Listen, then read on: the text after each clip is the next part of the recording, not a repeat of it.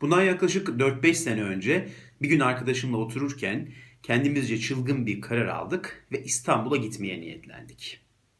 Tabi bu niyetimiz ölü doğmasın diye de hemen eyleme geçtik. Arabaya atladık, bastık gaza İstanbul'a gittik. Ve şehre vardıktan sonra adeta şehrin altın üstüne getirdik. Çok keyifli bir İstanbul gezisi yaptık. Tabiri caizse şehri ve İstanbul'u yaşadık. İliklerimize kadar yaşadık. O kısa zaman dilimine rağmen. Ve dönüş yolculuğuna geçtik. Dönüş yolculuğunda yolu yarılamıştık ki istenmeyen bir şeyle karşılaştık. Arkadaşım yanımda uyuyordu. Ben arabayı sürüyordum. Güzel bir müzik vardı e, radyoda ve tam bu sırada kar yağışı başladı. Zaten aylardan aralıktı ve yılın ilk karı da beklenmek üzereydi zaten ve kar da beklendiği gibi yağmaya başladı. Tam bu sırada Bolu Dağı'nın eteklerinde ilerliyorken birden arabamın yavaş yavaş yalpaladığını hissettim ben. Çok hızlı gitmiyordum zaten. O yalpalamayı anında fark edebildim ve biraz sonra da hemen sağa çektim. Olası tehlikelere karşı hemen sağa çektim. Arabadan indim ve gördüm ki sağ arka tekerimiz patlamıştı. Tabi bu sırada arkadaşım uyandı. Ee, ne yapacağımızı bilemedik. Arabanın içine oturduk. Ne yapacağımızla ilgili doğru kararı vermek için biraz düşünmeye başladık. Zaten gecenin 12'si biri, kar yağıyor. Arabalar çok durmuyordu. Bizim tekerimizi değiştirmek için gerekli sistem maalesef aramızda, arabamızda bulunmuyordu. O yüzden kendimiz de değiştiremedik. Arabalar da durmuyordu. Telefonumuz da çok az çekiyordu. İnternete girmek e, çok da mümkün değildi. Oturduk ve ne yapacağımız üzerine kafa yormaya başladık. Tam bu sırada ben ne olduysa kendimce birden sinirlendim. Ve arkadaşıma çıkışarak karar sanki ondan çıkmışçasına ki beraber verdiğimiz bir karardı. Sanki karar ondan çıkmış gibi ne gerek vardı bu geziye diye çıkıştım. Ne gerek vardı İstanbul'a gelmemize? Ne güzel Ankara'daydık. Gider bir yerde otururduk, bir kafede otururduk, çay içerdik, sohbet ederdik. Aralık gününde, bu kış gününde ne işimiz var? Kaç kilometre çıkıp gelmişiz. Bak gördün mü yaşadığımız şeye? Gecenin 12'si biri kaldık Bolu Dağı'nın eteğinde. Tekerimiz patladı, değiştiremiyoruz. Ne yapacağız Allah bilir. Böyle kendimce sert bir şekilde arkadaşıma çıkıştım. Artık günün verdiği yorgunlukla mı öyle çıkıştım çok bilmiyorum. Baya böyle kendimce sitem ettim. Tam bu sırada arkadaşım bana döndü anlamlı anlamlı bir bakış attı ve ardından şöyle bir şey söyledi. Hiç sorun yaşamak istemiyorsan hayatında evden dışarı çıkma. Çıkmasaydın, gelmeseydin, evinde otursaydın. İstanbul'u görmek istiyorsan, İstanbul'la ilgili bir yaşantın olsun istiyorsan bu sıkıntıları ve bu problemleri göze almak zorundasın. Hayatında hiç sorun olmasın istiyorsan evden çıkmayacaksın kardeş dedi. Ve sana bir şey soracağım diyerek devam etti. Neden çok güzel geçmiş bir İstanbul gezisini böyle basit bir olayın gölgelemesine izin veriyorsun? Tabi arkadaşımın bu cümleleri böyle bir şamar gibi suratıma indi. Gecenin 12'sinde birinde Bolu Dağı eteğinde tekeri patlamış bir arabanın içinde yağan kar altında adeta aydınlandım.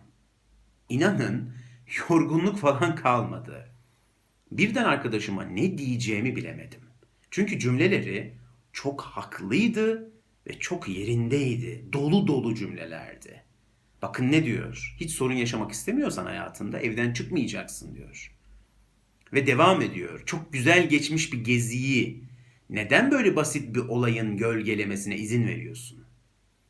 Çok etkilendim bu cümlelerden ve çok sesim kısık şekilde haklısın deyip başımı önüme eğdim. Çok da bir şey diyemedim. Ve bu olay benim hayatımda çok önemli bir yere sahip oldu ve arkadaşımın bu cümleleri. Ha bu arada şunu söyleyeyim. O gün nasıl kurtulduk? Telefonumuz biraz çektiği zamanlarda internete zor bela girdik. Bolu'dan bir kurtarıcı, otokurtarıcı numarası bulduk. Geldiler, konumumuzu verdik, geldiler, bizi alıp şehir merkezine götürdüler. Tabi bu olay böyle bitti ama olayın tesiri bende 4-5 yıldır devam ediyor.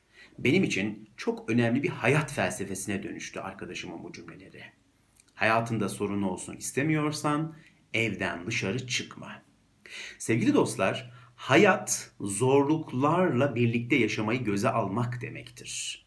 Ve aslında hayatın güzelliği de bu zorlukları göze almaktan gelir. Hayatın kestirilemezliği ve başımıza nelerin gelip geleceğini bilmememiz bu hayatın tadını almamızı sağlar. Bakın size bir örnek vereceğim. Doğduğunuzda anneniz, babanız size bir defter verseydi, şuurunuz, belleğiniz yerinde, her şeyi algılayabiliyorsunuz, öyle varsayalım bebekken ve size şöyle bir defter verdiler. Bunun adı bir hayat defteri olsun. İşte Ömer'in hayat defteri. Bu defterde ömür boyu başınıza gelecek her hadisenin yazılı olduğunu hayal edin. İşte hangi ilkokula gideceğiniz, hangi ortaokula gideceğiniz, üniversiteniz, bölümünüz, işte bir kıza aşık oldunuz, onun size cevap verip vermeyeceği, onunla evlenip evlenemeyeceğiniz, çocuklarınızın olup olmayacağı, isimlerinin dahi ne olacağı, hayatınızda başınıza gelecek hastalıklar, sıkıntılar, kaç yaşında öleceğiniz, nerede öleceğiniz, nasıl öleceğiniz falan falan falan. Hepsi yazılı bu defterde. Şimdi size bir şey soracağım. Böyle bir defteri, daha doğrusu böyle bir hayatı yaşamak ister miydiniz? Kabul eder miydiniz? Sizi bilmiyorum ama ben bu soruyu seminerlerde özellikle ortaokul ve lise öğrencilerine çok soruyorum. Ve garanti dörtte üçü ama çoğu zaman da tamamı bu defteri ve bu hayatı reddediyor. İstemiyorlar. Ben onlara diyorum ki tam da istediğiniz hayat bu değil mi? Her şeyin yolunda gittiği, hiç sorun yaşamadığınız, sınavların olmadığı, üniversite kazanma derdinin olmadığı, meslek seçme zorunluluğunun olmadığı, böyle bir hayatı hayal etmiyor musunuz zaten? Neden reddediyorsunuz? Ben böyle dediğimde de genel olarak şöyle bir şey söylüyorlar. Hocam diyorlar bu filmin sonunu bilmek gibi bir şey. Yani filmin sonunu bilince filmin çok da tadı kalmıyor sanki. Aslında çok haklılar. Biz hayatımızda başımıza gelecek her hadiseyi bilseydik, yani filmin sonunu bilseydik, filmi izlemekten hiç keyif almayabilirdik. Dostoyevski kitaplarıyla bizi devleştiren Dostoyevski kitaplarının birinde şöyle bir cümle dile getiriyor. Diyor ki insana harika bir iş verin, harika bir eş verin ve harika evlatlar verin. Ve onun harika bir hayat yaşamasını sağlayın.